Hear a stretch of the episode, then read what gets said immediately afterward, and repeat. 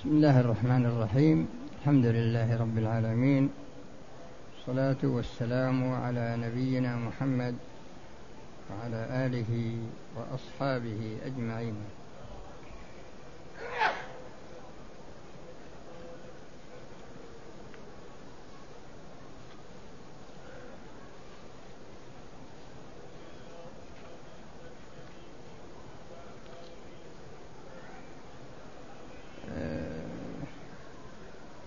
بسم الله الرحمن الرحيم الحمد لله رب العالمين والصلاة والسلام على نبينا محمد وعلى آله وأصحابه أجمعين المسألة الأولى من المسائل التي أتكلم عليها هي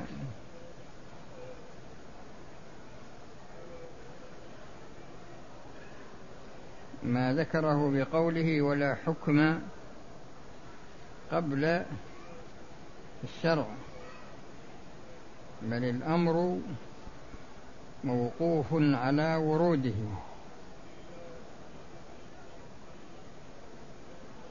وحكمت المعتزلة العقل فإن لم يقضي فسادسها الوقف عن الحظر والإباحة. هذه المسألة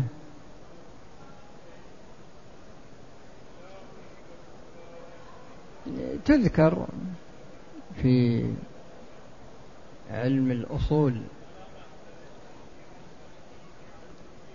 وهي حكم الأشياء قبل ورود الشرع. حكم الأشياء قبل ورود الشرع.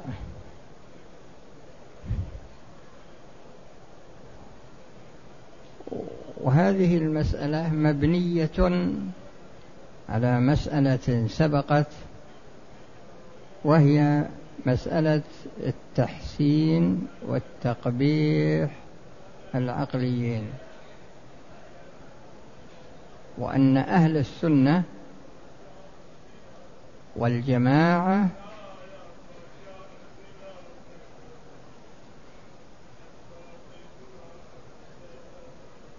لا يجعلون العقل هو المستند للتحسين والتقبيح بل الشرع هو المعتمد في التحسين والتقبيح.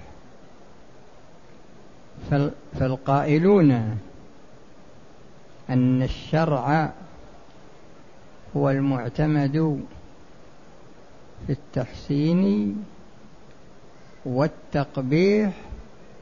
يقولون هنا أنه لا حكم للأشياء قبل ورود الشرع لا يحكم عليها بتحريم ولا بإيجاب ولا بكراهة ولا بندب ولا إباحة. يعني لا يحكمون عليها.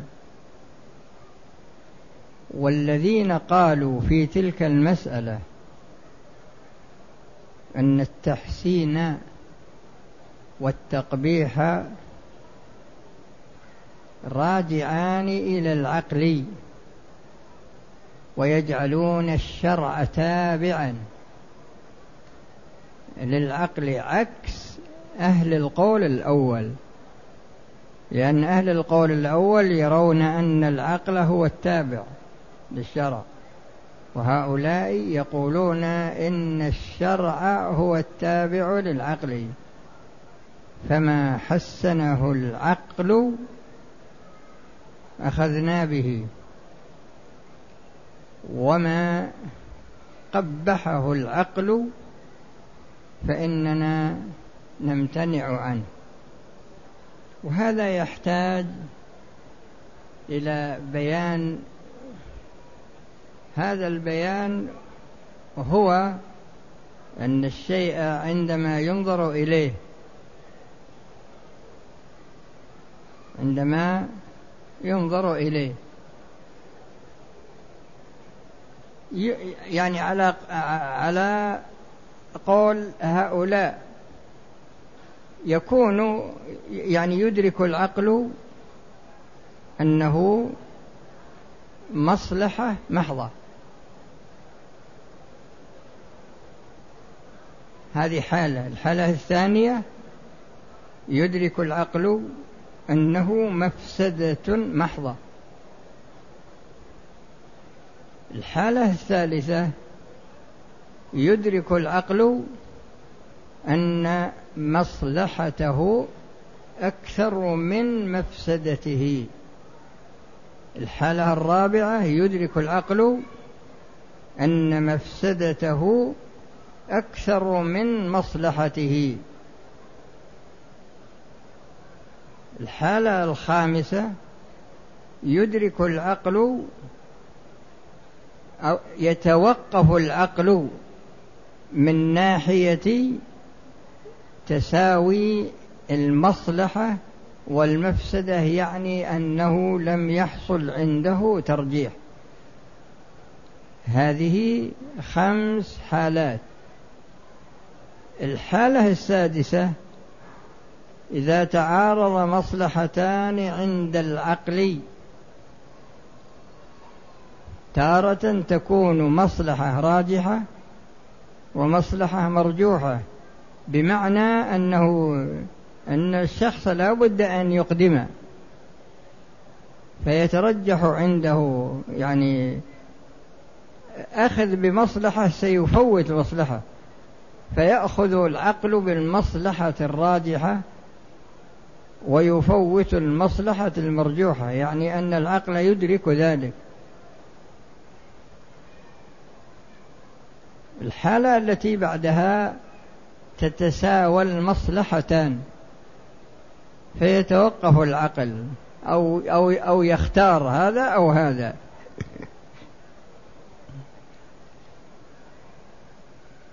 وهكذا بالنظر لتعارض المفسدتين.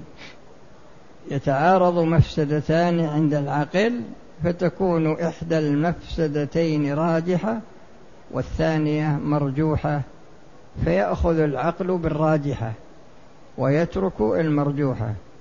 وإذا تساوت المفسدتان يتوقف كما يتوقف عند تعارض المصلحتين المتساويتين.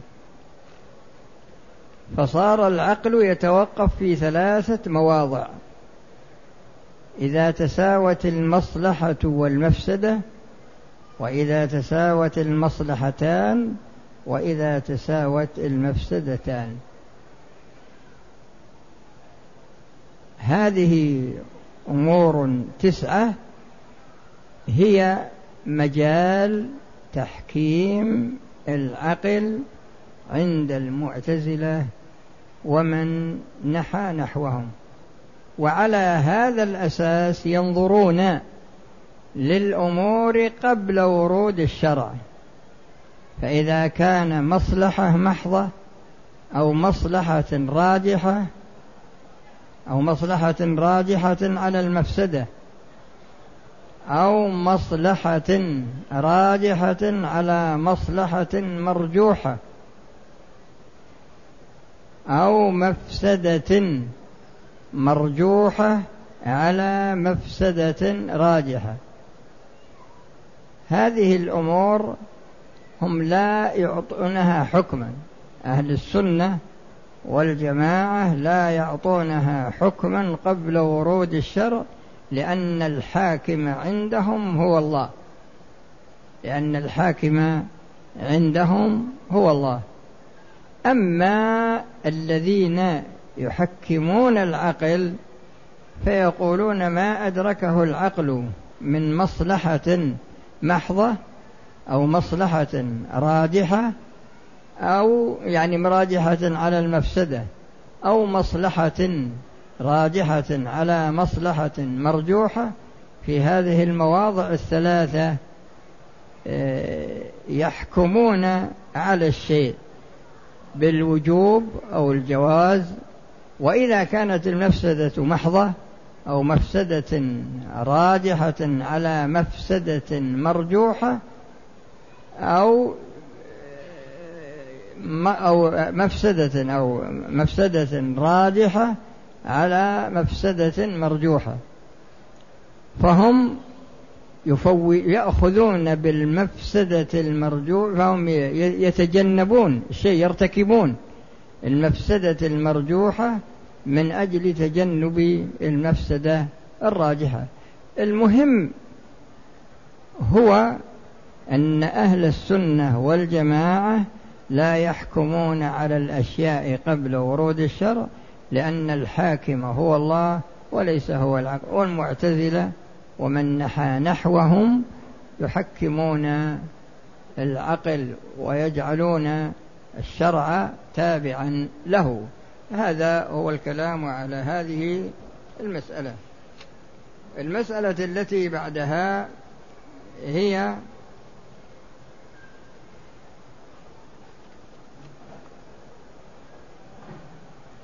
المسألة الثانية الغافل والملجأ والمكره هل هو مكلف أم لا؟ فيه آه، موضوع يسمونه عوارض الأهلية لأن الأهلية معناها استكمال استكمال الشخص لورود التكليف عليه. والعوارض هذه كثيرا ما هو بالمحل هذا محل الكلام عليها جملة لا. إنما نتكلم على هذه المسائل التي ذكرها هنا. لأن عوارض الأهلية مثل آه، الجنون ومثل الإغماء ومثل النوم ومثل النسيان ومثل الإكراه ومثل الخطأ كثيرة هي. ما هو محل استيفائها الآن. لكن الغرض هنا هو ما ذكره هنا في أن الغافل ليس بمكلف. لكن هل معنى أنه ليس بمكلف؟ يعني يسقط عنه التكليف أو معنى أنه ليس بمكلف يعني أنه ليس بآثم في وقت الغفلة. ليس بآثم في وقت الغفلة. ولهذا الرسول صلى الله عليه وسلم قال من نام عن صلاة أو نسيها لأن النوم من عوارض الأهلية والنسيان من عوارض الأهلية. من نام عن صلاة أو نسيها فليصلها إذا ذكرها. لا كفارة لها إلا ذلك. فالغافل إذا يعني إنسان غفل انشغل عن صلاة من الصلوات حتى خرج وقتها. هل نقول إنها سقطت عنه كما تسقط عن المجنون؟ أو نقول إنه معذور من ناحية الغفلة فلا يكون آثما. وعلى هذا الأساس وكلمة لا تكليف على الغافل يعني تكليف يترتب عليه الإثم. وليس المراد أنه ليس بمكلف يعني تسقط عنه التكاليف. لا ليس هذا هو المقصود. الإنسان يكون له اختيار وبعد ذلك هذا الاختيار يحصل سلب له سلب الاختيار. لكن سلب الاختيار هذا تارة يكون الشخص ليست له خيرة مطلقا.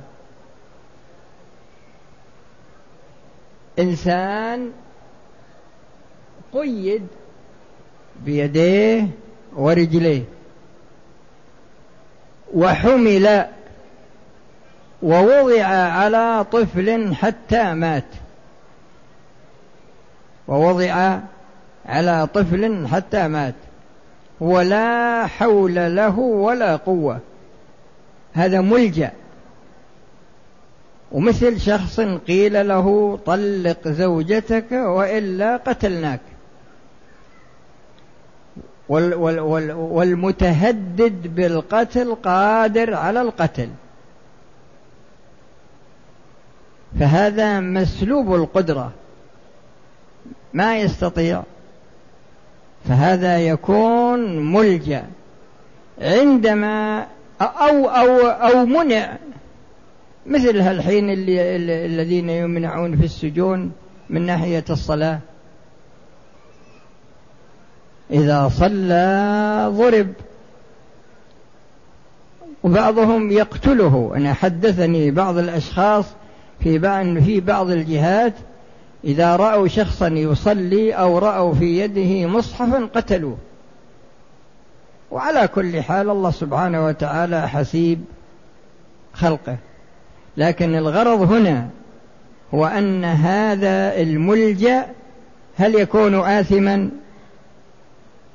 هل يكون آثما أو أنه لا يكون آثما؟ والجواب أنه لا يكون آثما أما ما يتعلق بالأحكام الأخرى مثل الطلاق وما إلى ذلك فهذا يحتاج إلى تحقق من.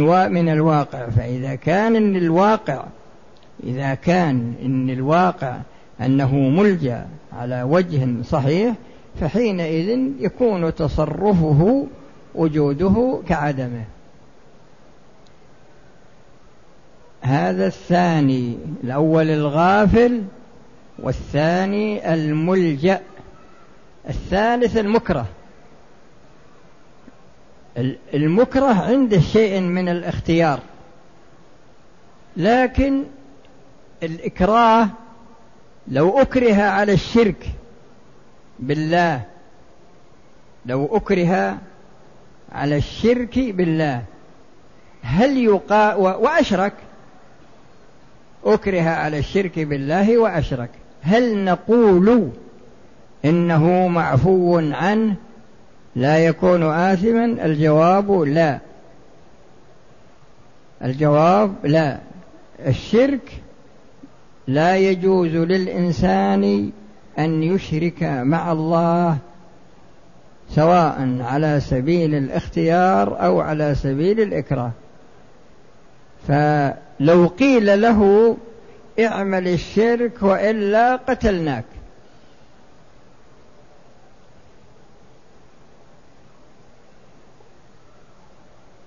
لا يجوز له أن يقدم على الشرك. يعني الشرك لا تدخله الرخصة هذا المقصود. الشرك لا تدخله الرخصة. لأنه إذا أشرك يكون قدم حق نفسه على حق الله. حق نفسه يعني أشرك من أجل بقاء نفسه. وهذا ليس بصحيح. الغرض هو أن الشرك لا تدخله الرخصة يعني هو مستثنى لأن الشريعة عزائم ورخص. والرخصة هذه آه، لا لا يكون من جملتها الشرك. فلا يقول فلا يقال إن الشخص يجوز له أن يشرك بالله من باب الرخصة ولا يعترض على ذلك بقوله تعالى إلا من أكره وقلبه مطمئن بالإيمان لأن الإكراه على النطق بكلمة الكفر ليس هذا من باب الشرك. فكل مشرك كافر وليس كل كافر مشرك. الإنسان يكفر مثلا بترك الصلاة. هذا يكون كافرا لكن ما نقول إنه مشرك. لكن في قوله تعالى فمن كان يرجو لقاء ربه فليعمل عملا صالحا ولا يشرك بعبادة ربه أحدا.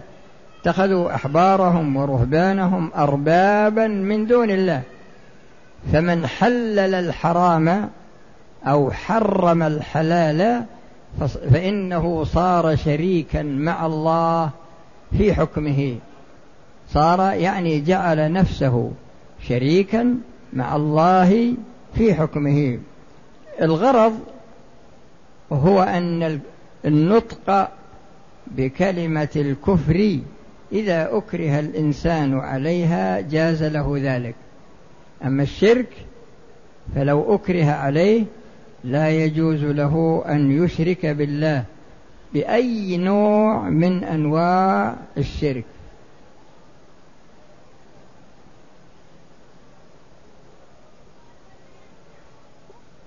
ولو قيل له لو لو أكره على قتل شخص بغير حق. قيل له اقتل فلان وإلا قتلناك. اقتل فلان وإلا قتلناك راحوا قتله فقتل النفس بغير حق لا تدخله الرخصة أيضا. يعني لا يعذر الإنسان بالإكراه. فإذا أكره على قتل شخص بغير حق يعني عمدا عدوانا فإنه يقتل به. أما المكره له فهذا له حكم آخر. لكن الغرض أن هذا الشخص لا يكون معذورا.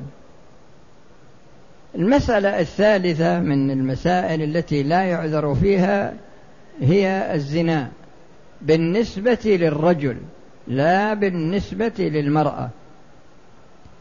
لأن المرأة تكره وتفقد الاختيار.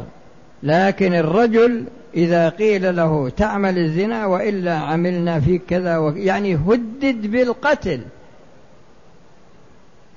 فباشر الزنا مباشرته للزنا تدل على وجود اختيار عنده ورغبة في عمل هذه الفاحشة. فالمقصود أن الشرك بالله وأن قتل النفس بغير حق والزنا بالنسبة للرجل. هذه الأمور الثلاثة لا يكون الإكراه فيها عذرا. لا يكون الإكراه فيها عذرا.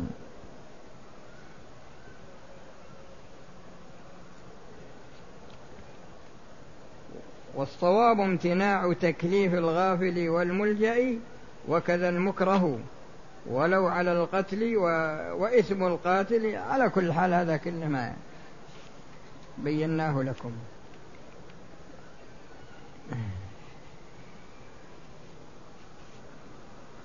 والمسألة الأخيرة من المسائل أن الأوامر التي صدرت من الله جل وعلا في القرآن وكذلك الأوامر التي صدرت من الرسول صلى الله عليه وسلم.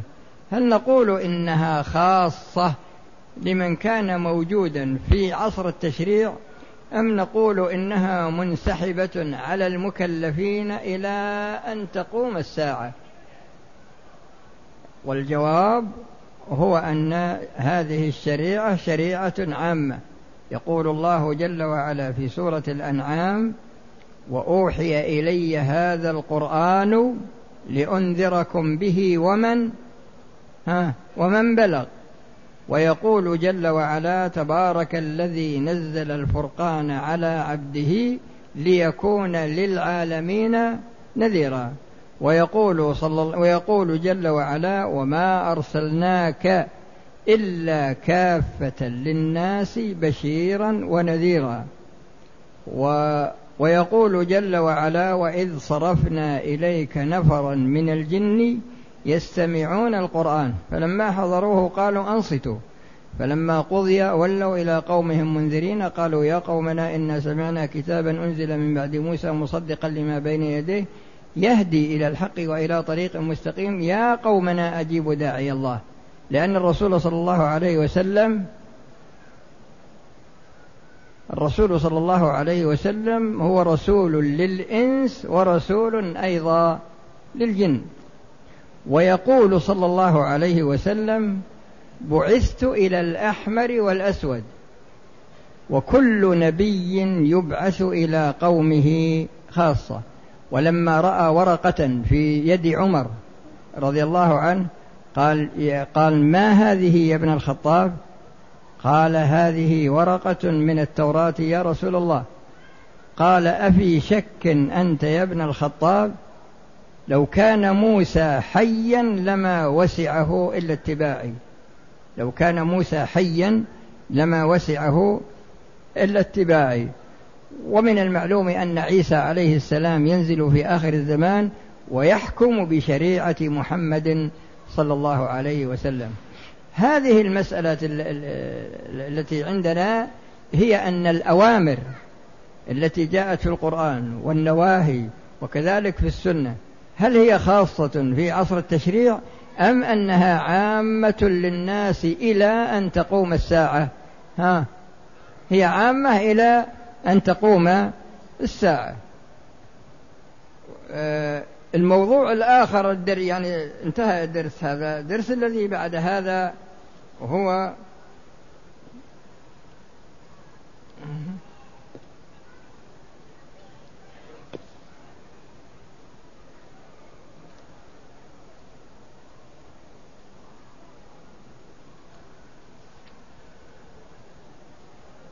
الدرس الذي الدرس الآخر هذا في بناء جلب مصالح الدارين ومفاسدهما على الظنون.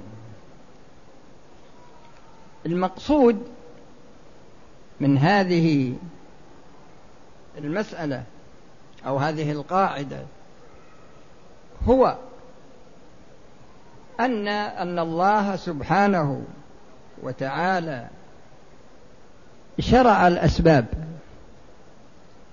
شرع الأسباب. وهذه الأسباب منها ما يكون فيه مصلحة للإنسان في دنياه ومنها ما يكون له مصلحة في آخرته. ومنها ما يكون له مصلحة في دنياه وفي آخرته. ومنها ما يكون فيه مفسدة في دنياه أو في أخراه أو في دنياه وأخراه جميعا. فالمسببات هي المصالح والمفاسد المرتبة على الأسباب والمقصود بالأسباب هنا الشرعية. فيه أيضا الأسباب العادية. الأسباب العادية التي فوض إلى الإنسان أن أن يزاولها. فوض إليه أن يزاولها. فيه أسباب أيضا عادية. وفيه أسباب ليست عبادية وليست عادية ولكنها أسباب من ناحية المعاملات المالية مثلا. المعاملات المالية. على هذا الأساس كله يعني الحكم واحد. الإنسان عندما يعمل السبب هل يقطع أن نتيجة السبب تكون حاصلة؟ يعني هو يفعل السبب لكن هل يقطع أن المسبب يترتب على هذا السبب؟ يعني نجيب لكم أمثلة متنوعة. الطهارة نعتبرها سبب الصلاة سبب الصيام سبب الزكاة سبب الحج سبب العمرة سبب. البيع والشراء بجميع صوره أسباب. النكاح سبب وهكذا. هذه أسباب. لكن هل يجزم الإنسان أنه إذا فعل السبب ترتب عليه مسببه؟ أو أن المسبب قد يحصل وقد لا يحصل. أي الأمرين؟ الثاني مضبوط هو هذا. هذه القاعدة هي مبنية على هذه النظرية أن حصول المسببات على الأسباب هو من الأمور المظنونة وليس من الأمور المتيقنة تماما. المتيقن يعني المجزوم بها. ولهذا الرسول صلى الله عليه وسلم حياته كلها يعني فعل أسباب الخير للدنيا وللآخرة. وقال صلى الله عليه وسلم لن يدخل أحد الجنة بعمله. العمل هو السبب. ودخول الجنة هو ماذا؟ هو الم... تمام. هو المسبب. فقال لن يدخل أحد الجنة بعمله.